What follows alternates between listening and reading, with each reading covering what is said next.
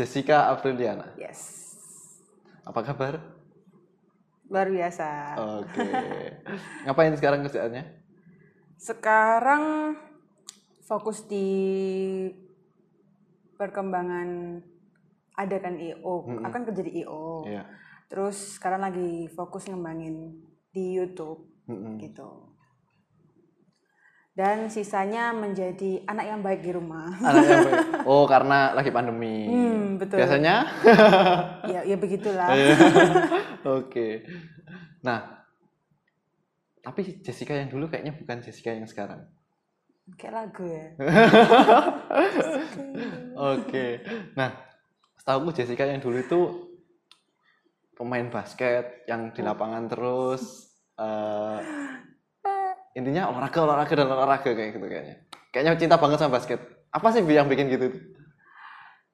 Dulu, eh mungkin Sejak kapan dulu? Sejak kapan? Sejak kapan? Hmm, sebenarnya basket itu aku nggak tahu kalau itu ker- aku nggak dibesarin dari keluarga pebasket gitu kan. Kalau Oke. Misalnya kayak banyak teman-temanku itu mungkin yang mungkin jago-jago ya terutama. Hmm. Memang bapak mamanya itu fokus besarin anaknya buat jadi atlet pebasket. Terus Oke. atau eh, memang kok kakaknya, papanya, mamanya itu dulu pebasket gitu kan. Tapi aku nggak pernah difokusin sama orang tua jadi olahragawan. Hmm. Cuman itu lucu sih ceritanya.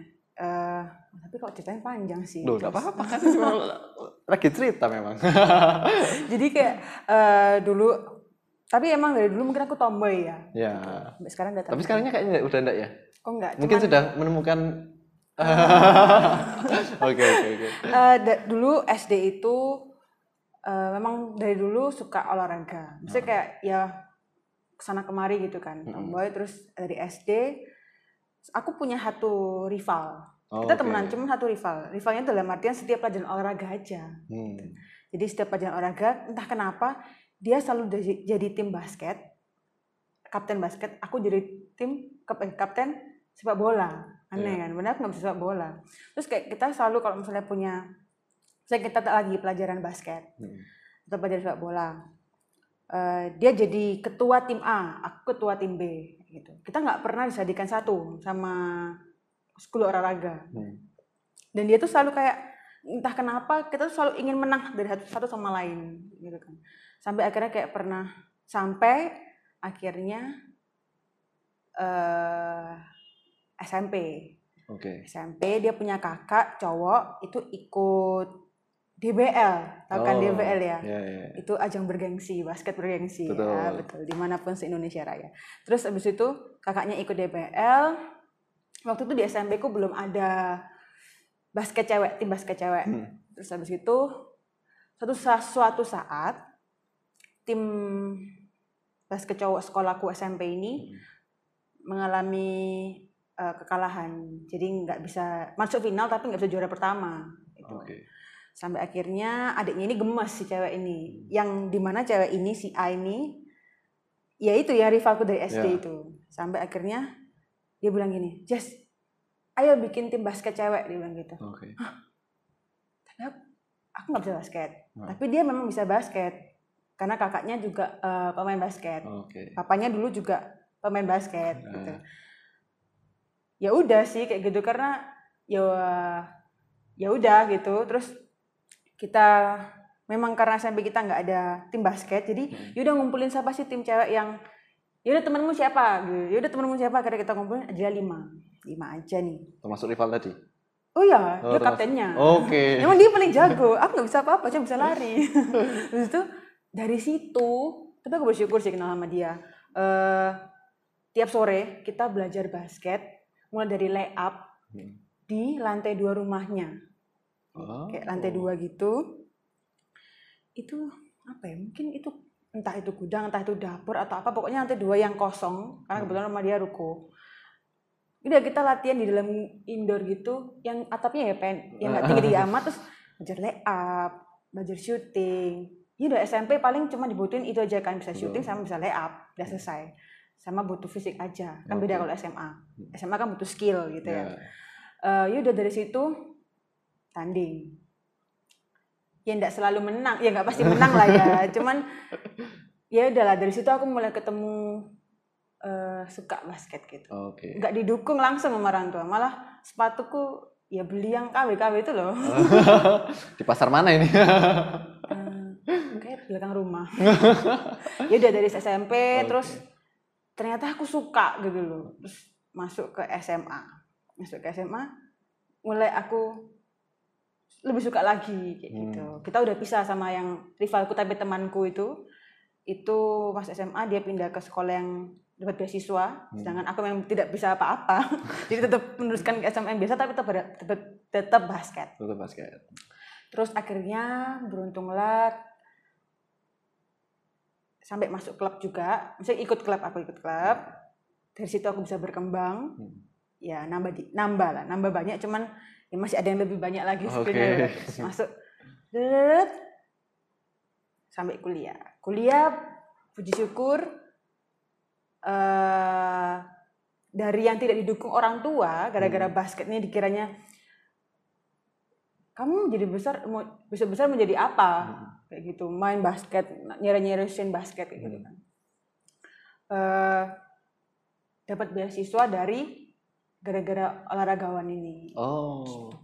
Jadi dari klub itu akhirnya dapat beasiswa untuk masuk kuliah.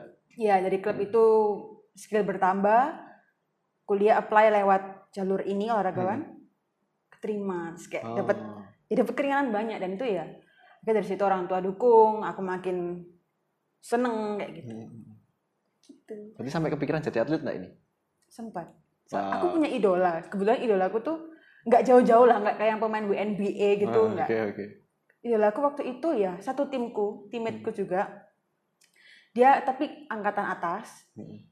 dan aku memang apa ya tahu aku suka aku suka cara mainnya karena behind story-nya dia gitu dia itu dari yang memang nggak bisa sampai dilatih di klub yang sama sampai bisa sampai juago dan juago Oke. gitu Sampai sampai, sekarang nggak ini basket? dia sampai sekarang Oke. tim pembela Indonesia udah main di mana-mana lah aku Oh. sempet kayak aku pengen kayak gitu karena kayak apa ya ya kenapa aku nggak bisa juga Hmm. gitu kan terus tapi ya mungkin ya emang jalannya mungkin beda gitu. nggak aku nggak bisa sampai yang seperti dia tapi cukup mengenalnya dan bisa setim sama dia main gitu Seseng di, banget di, kayak. kam- di kampus kan kita satu tim itu seneng aku bisa bisa belajar oh caranya dia jadi uh, rebounder oh di- defender yang bagus tuh gimana gitu Oh. Berarti sampai kepikiran jadi atlet ya? Serius Sempet. banget itu berarti. pengen pengen aku sampai bilang sama pelatih klubku itu sempat waktu itu masih kuliah kok aku mau jadi kayak dia gitu Mm-mm. pengen. Bisa nggak? Ya aku merasa aku terlambat karena menurutku mungkin masa-masa emas untuk mengembangkan suatu basket bakat itu di SMP SMA dia Oke. belajar udah dari SMA gitu. Terus kayak dibilang ya kalau kamu mau kamu ya mungkin dia kayak pelatihku yang klub ini mungkin mungkin lihat ya misalnya kayak apa nggak terlambat ya orang ini. Terus tapi ya aku akhirnya mikir-mikir hmm, enggak enggak enggak mungkin lah kayak gitu. Oh, nggak oke. tahu sih mungkin aku pesimis ya tapi aku mungkin merasa cukup lah dengan apa yang sudah aku terima selama kuliah Sebelum kuliah, berarti kan waktu itu dari SMA kan masih suka basket, terus akhirnya kuliah memutuskan untuk ngambil desain interior ya. iya Nah, itu kenapa kok milih desain interior? desain interior soalnya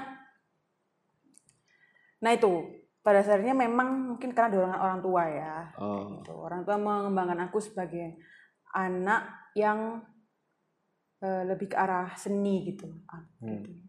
dan eh, mungkin ya itu sih perbedaan interior itu menjadi lebih nyata ketika aku sudah masuk ke interior di mana interior dekorator dan desain interior itu berbeda pak ya jadi oke. eh, untuk juga nanti yang menonton Hmm. ini mungkin para calon mahasiswa ya In- kalau kamu suka dekorasi gitu belum tentu kamu akan menjiwai dekora interior deko interi Ya, nah, interior dekorasi. ya jadi ke- ketika kamu suka dekor Heeh. belum tentu kamu akan mencintai desain interior interior. karena desain interior dan dekorator itu hal yang berbeda Oke. gitu. Tapi yang ya untuk kemungkinan gitu. Jadi aku suka dekor di rumah kayak setiap season gitu ya Natal atau Imlek atau eh, bergantian bulan tuh suka ganti suasana rumah gitu. Oh, dekor-dekor sendiri. Eh, gitu. Jadi kayak oh aku suka banget nih. Oke. Nah, apa emangnya bedanya desain interior sama dekor, dekorasi yang biasa, Dekorator ya. dekorator? Ya itu kalau misalnya interior design memang lingkupnya luas sekali. Jadi kamu bisa belajar tentang gimana bikin bangunan ruang itu misalnya kecil. Hmm, luas. Elemen-elemen apa yang harus ditambahkan atau dibuat untuk jadi kelihatan lebih luas Hmm. seenggaknya gitu. Mulai dari eh, elemen warna, terus mungkin yang lain-lainnya juga gitu. Oke. Terus kamu juga belajar tentang eh, membuat apa itu mebel Oh ya, perabot-perabot perabot furniture. ya furniture tapi bukannya ya kalau ini mungkin ya ini adalah unsurnya Sama nggak sih? Ini desain interior juga nggak sih? ya bisa cuman kadang misalnya kita tuh lebih kayak oh ini ya eh, Lebih cocoknya gini. eh, misalnya masalah ini kita duduk di sini Hmm. oh pengennya ini bisa ditinggikan pendekkan ya udah kita nanti bikin inovasi apa gitu Oh, gitu. Kayak kita akan belajar tentang gimana sih mebel yang enak buat orang-orang kayak gitu. Terus kalau dekorator, ya udah kamu bisa harus pinter tentang percampuran warna dan elemen. kreativitas ya lebih ya. Kalau yang mungkin kalau yang interior design lebih banyak ngitung juga lebih ya. Ya ya ya ya, ada Kayak gitu. hitung-hitungannya. Kalau dekorator ya memang estetika gitu ya. Iya, betul. Iya mi- mirip-mirip sih gitu. Oke, lulus tapi kan? Hmm? Lulus desain interior kan? Loh ya syukur lulus, lah. ya. Oke, nah eh setelah lulus ke mana waktu itu? setelah lulus aku sempat pengen mau jadi eh, pengen sempat fokus ke desain mebel karena aku suka Oh. mebel. Tapi akhirnya aku menggeluti event. Oh, nah kenapa ini kok tiba-tiba dari mebel bisa jauh ke event lompatnya ini? karena kebetulan aku ternyata lebih mencintai event. Apa ini yang bikin apa sih yang bikin akhirnya tertarik sama dunia event? Dibandingkan ya pekerjaan sebelumnya yang sudah belajar tentang interior design yang mungkin tiga setengah tahun empat tahun mungkin belajar digantikan oleh event itu apa yang bikin oh akhirnya aku bisa cocok ini deh kayak. Mungkin karena di event itu, jadi di event itu aku lebih banyak belajar tentang apa ya, handle sesuatu yang lebih kompleks sih. Ya sama sih apa ya? mungkin karena orang ya. Lebih banyak orangnya dibandingkan kita. Mungkin kalau kita handle barang kan tidak akan berubah. Kalau orang kan masih bisa kena mood bisa kena ini kayak gitu. Iya, oh sama ini mungkin. Karena IO event yang aku geluti ini menurutku nggak semua orang menjalankan event ini gitu. Oh, oke. Jadi event ini berhubungan dengan lead sensor. Eh, Mm-mm. kita sebutnya IO yang menjalankan ini disebutkan lead sensor Mm-mm. gitu kan. Eh, kita bergerak di bidang anak-anak Mm. di mana kalau misalnya kita butuh hiburan ada sebuah maskot gitu Mm. kita akan ha- hadirkan dia, terus kita akan konsepkan panggungnya, alur ceritanya, dan jadi pengunjung bisa menikmati gitu. Oke. Jadi aku nggak dapetin sesuatu yang biasa dari event ini. Jadi mungkin aku terhanyut jatuh hati gitu ke event. nah pertanyaanku gini. Kalau lompatnya sejauh itu gimana belajarnya? Dari mana bisa tahu oh ini maintenance-nya harus gini ini harus ngaturnya gini yang yang rapi kayak gini biar nanti sistemnya benar terus asalnya bisa lancar eh, desainnya juga bagus. Itu kan hubungannya banyak banyak pihak yang bantu juga otomatis. Gimana sih waktu itu eh, lihat eh, mulai join ke apa dulu mungkin join join ke IO dulu yang lain yang mungkin IO yang pada umumnya mungkin wedding ataupun Sweet Seventeen baru terjun ke situ atau benar-benar langsung terjun ke situ Jadi di IO yang ini itu dari sejak lulus SMA, Hmm. aku udah diajak buat nge-crew oh di nggak event dulu. ini. Jadi dari situ aku baru tahu aku nggak pernah tahu sih ada event kayak gini kayak gitu Oh. terus tahu di bal- eh, produksinya bagaimana terus oh wow kayak gitu kan. Jadi selama aku awal SMA sampai mau akhir kuliah tuh setiap libur gitu aku ikut. Oh. kan seasonal kan itu ya. Mm-mm, event itu akan ada ketika kayak Natalan, Imlek atau pasca atau kenaikan kelas itu dan aku eh, menjadi enjoy di sana jadi tahu terus kayak wah ini keren sih kayak gitu. Dan tapi di sana di event interiorku juga kepake sih kayak gitu. Oh, Oke. interiorku kepake kok. Dikit-dikit meskipun nggak kayak aku mendesain eh, sebuah perabot untuk event gitu enggak Mungkin desain panggungnya bisa masuk nggak sih itu? ada sih ada bisa Oh. karena kan interior juga belajar tentang exhibition Hmm. space gitu. Oke. Berarti otomatis dunia yang baru lagi sekarang. Jadi udah nggak interior design, sekarang ngerjain event. Eh, nah, ini masih kerja interior nggak? Masih sambil sambilan atau Tahun-tahun awal lulus kuliah masih terima, Hmm. tapi freelance sih. Tapi dua tahun terakhir udah enggak. oh udah nggak? Ya karena semakin ini, aku semakin mendekatkan dengan IO yang ini, yang jadi gimana-gimana IO ini mes, event ini, Hmm. meskipun kayak cuman berapa bulan sekali gitu ya, Hmm. tapi puji Tuhannya kayak event besarnya itu cuma mungkin setahun tiga kali empat kali. Tapi di sela-selanya itu ada aja event-event kayak launching event atau apa-apa dan aku disibukkan dengan itu. Jadi Oke. sama seperti interior kita akan 24 jam tuh nggak cukup buat konsepin bikin ini itu ini ini tuhnya dealing sama ini ini itu. Jadi kayak kalau aku sambi interior sama ini sedangkan interior juga memakan waktu yang lama kalau untuk kayak merender dan membuat gambar kerja jadi aku eh, taruh dulu interiornya gitu Oke, jadi fokus di event full sekarang. Oke. Nah, sekarang kan nah ini lagi pandemi. yes Apa yang dilakukan sekarang? dilakukan sekarang ya itu tadi ngembangin usaha, Usaha di ini. Heeh. Hmm. kan karena aku memang se- sedang menjalankan IO ini dengan partnerku Hmm. terus maksudnya rekan kerja terus karena memang event nggak bisa berjalan di Surabaya nggak bisa berjalan di mana pun juga nggak bisa berjalan jadi aku sekarang fokus sama partnerku itu ngembangin sebuah YouTube gitu dan kalau sehari-hari sih namanya pengen apa ya seneng gitu kalau misalnya ada sesuatu yang tetap berjalan gitu kan Hmm. kalau event kan kita biasa kayak eh, oke ngerencanain kita jalankan hari H tek tek selesai kita seneng gitu lihat hasilnya Hmm. kalau ini kan YouTube memang kita seneng tapi mungkin kita masih nunggu viewersnya dan lain-lain jadi aku coba membu- membuat sebuah usaha jualan makanan Oke. gitu ya makanan ya kemarin waktu Idul Fitri hampers kayak Hmm. gitu-gitu cuman kayak seneng aja gitu loh ada sesuatu yang bergerak di dalamnya itu Oh. ada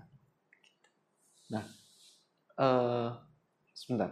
Tadi eh kalau dari apa yang kamu jelaskan, kayaknya aku lihat kamu yang mengkonsep banyak konten di konten yang baru ini di IO-mu ini, ya kan? Eh banyak lebih mikirkan idenya, terus kayak progresnya harus ke mana, terus konsep konsep kontennya seperti apa. Nah itu sebenarnya apa sih yang lagi pengen dibentuk di IO itu? Mau mau nunjukkan apa kayak gitu? Oh kalau eh, konsep itu memang kita pikir bareng-bareng. Soalnya kalau di YouTube ini kita juga punya tim di mana ada aku dan rekanku.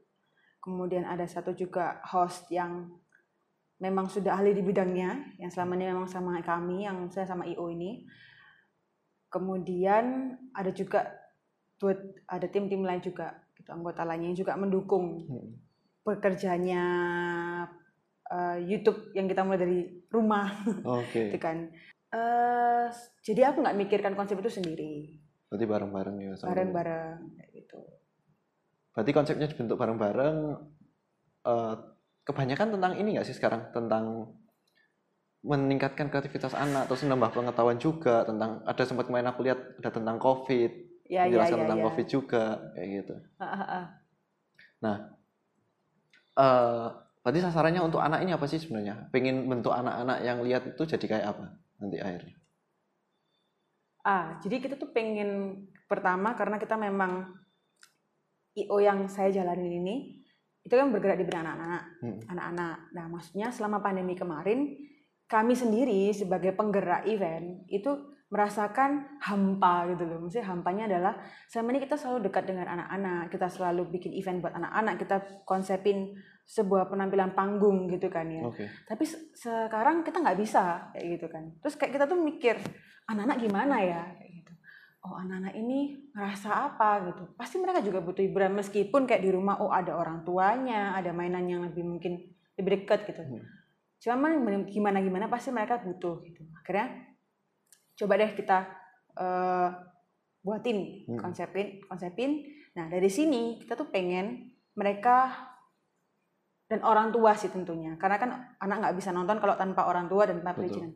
Kayak ini loh anak-anak itu di rumah tetap bisa produktif anak-anak tuh bisa tetap berkenalan dengan teman-teman baru mengenal eh, hal-hal baru kayak gitu. Kemarin kita ajak mereka untuk main mainan 90-an kan Oke. anak-anak di eh, di YouTube kami itu anak yang umur 7 sampai 8 tahun. Mm-mm. Jadi tahun 2012-an gitu kan ya. 20 tahun lalu mainan itu tidak pernah mereka tahu kayak Heeh. gitu.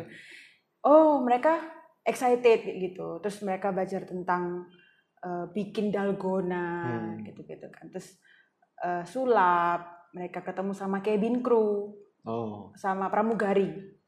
Cuman belum tayang Oh, sama pramugari.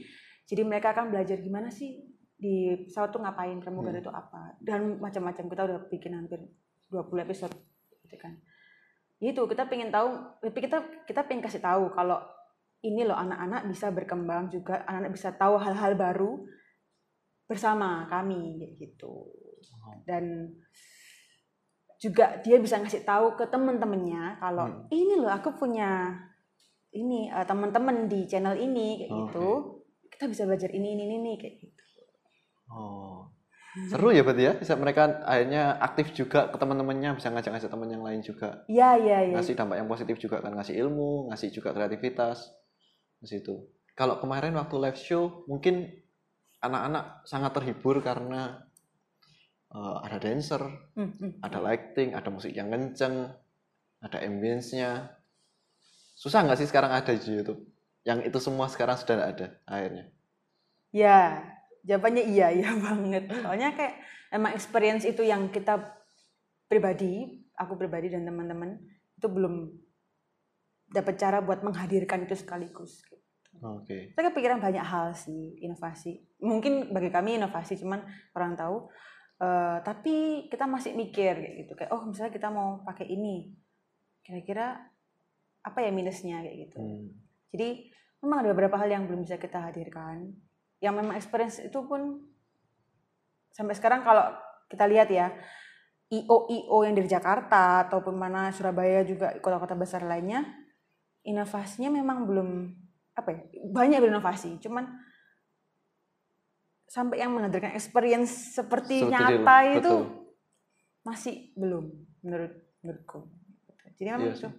Bener nanti misalnya selesai pandemi harusnya sih ada live show lagi lebih seru ya kayak amin. gitu. Daripada eh, nggak bisa sih. YouTube masih menurutku eh, nggak bisa. Gimana kita eh, ambience-nya dari mana? Kayak gitu. Mm-mm.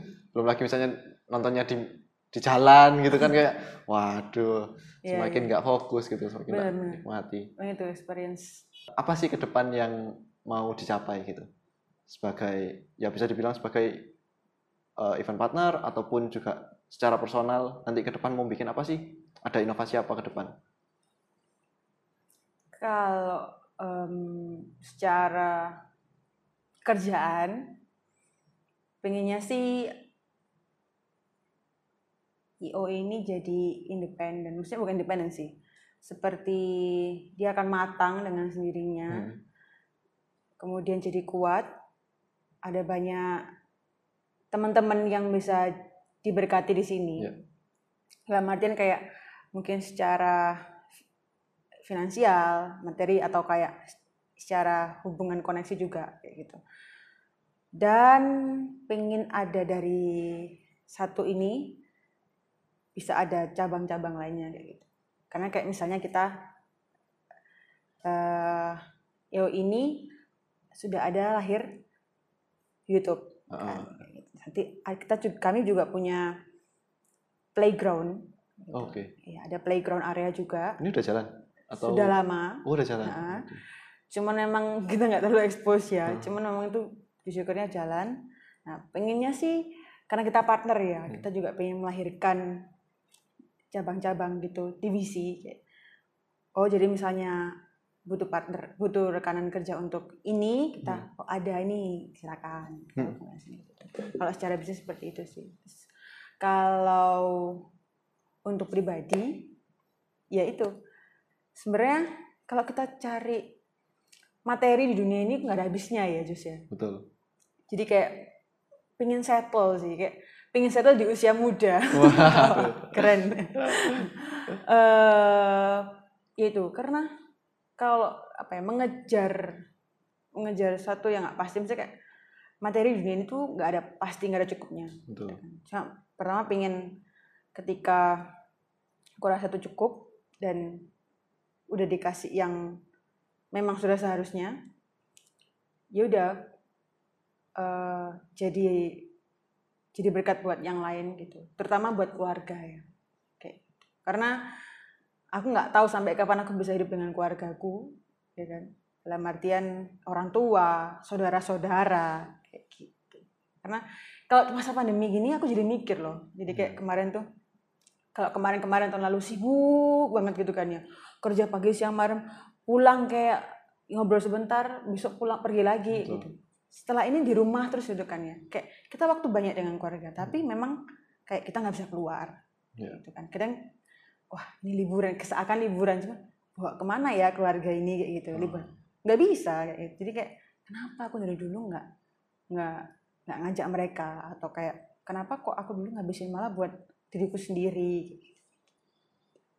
sih Oke, oke, oke. Wow. Eh, ya balik lagi ya semua kalau misalnya ada masalah juga kita yang support semuanya keluarga. Kalau kita misalnya eh, lagi susah atau apa pun ya semuanya keluarga yang balik lagi akhirnya. Ya. Mungkin waktu kita senang akhirnya lupa gitu. Ada teman-teman yang wah happy-happy kita jalan-jalan sendiri tapi Ya. sometimes setelah kita kena kayak gini akhirnya baru sadar oh iya ya sebetulnya banyak waktu yang kita bisa sempatkan juga untuk keluarga kayak gitu. bener. Kalau kayak misalnya kita nih masa-masa muda ya kita mikirnya teman-teman eh misalnya gini kita masih muda. Kita sama-sama muda. Kita nih masih muda loh. Kita ya udah have fun aja gitu. Kita pergi ke mana? Kita pergi ke mana bareng-bareng sama anak muda. Tapi kalau masa sekarang jadinya kayak ya nggak bisa. Maksudnya apa ya? Kita anak muda di masa pandemi ini ya udah kita sekarang mencari jalan keluar kita sendiri-sendiri gitu Iya. kan yang paling ada lagi eh, ya ya orang terdekat yang serumah Betul. atau apa gitu sih ya bukan bermaksud menyinggung orang yang tidak apa ya yang nggak utuh Hmm. orangnya, tapi ya siapa pun lah orang yang terdekat yang memang benar-benar ada kamu dari awal udah itu yang jangan pernah kamu sia-siain kayak gitu sih Betul. menurutku ya gitu. Hmm. jadi mungkin memang nggak harus selalu keluarga gitu maksudnya nggak selalu orang kayak mama papa Betul. gitu siapa tahu mungkin ada yang nggak punya gitu Hmm. kan siapa pun lah yang memang dari titik nol dari kecil sama kamu kayak gitu Oke. Lama sekali ya kita udah ngobrolin ternyata. nggak nggak berani lihat jam Oke oke. Thank you Jess. Sampai ketemu lagi. Eh, thank you Siapa tahu nanti ke depan ada inovasi yang lebih keren lagi. Ya aku tunggu punyamu juga Oke. tapi ini udah keren sih Oke oke.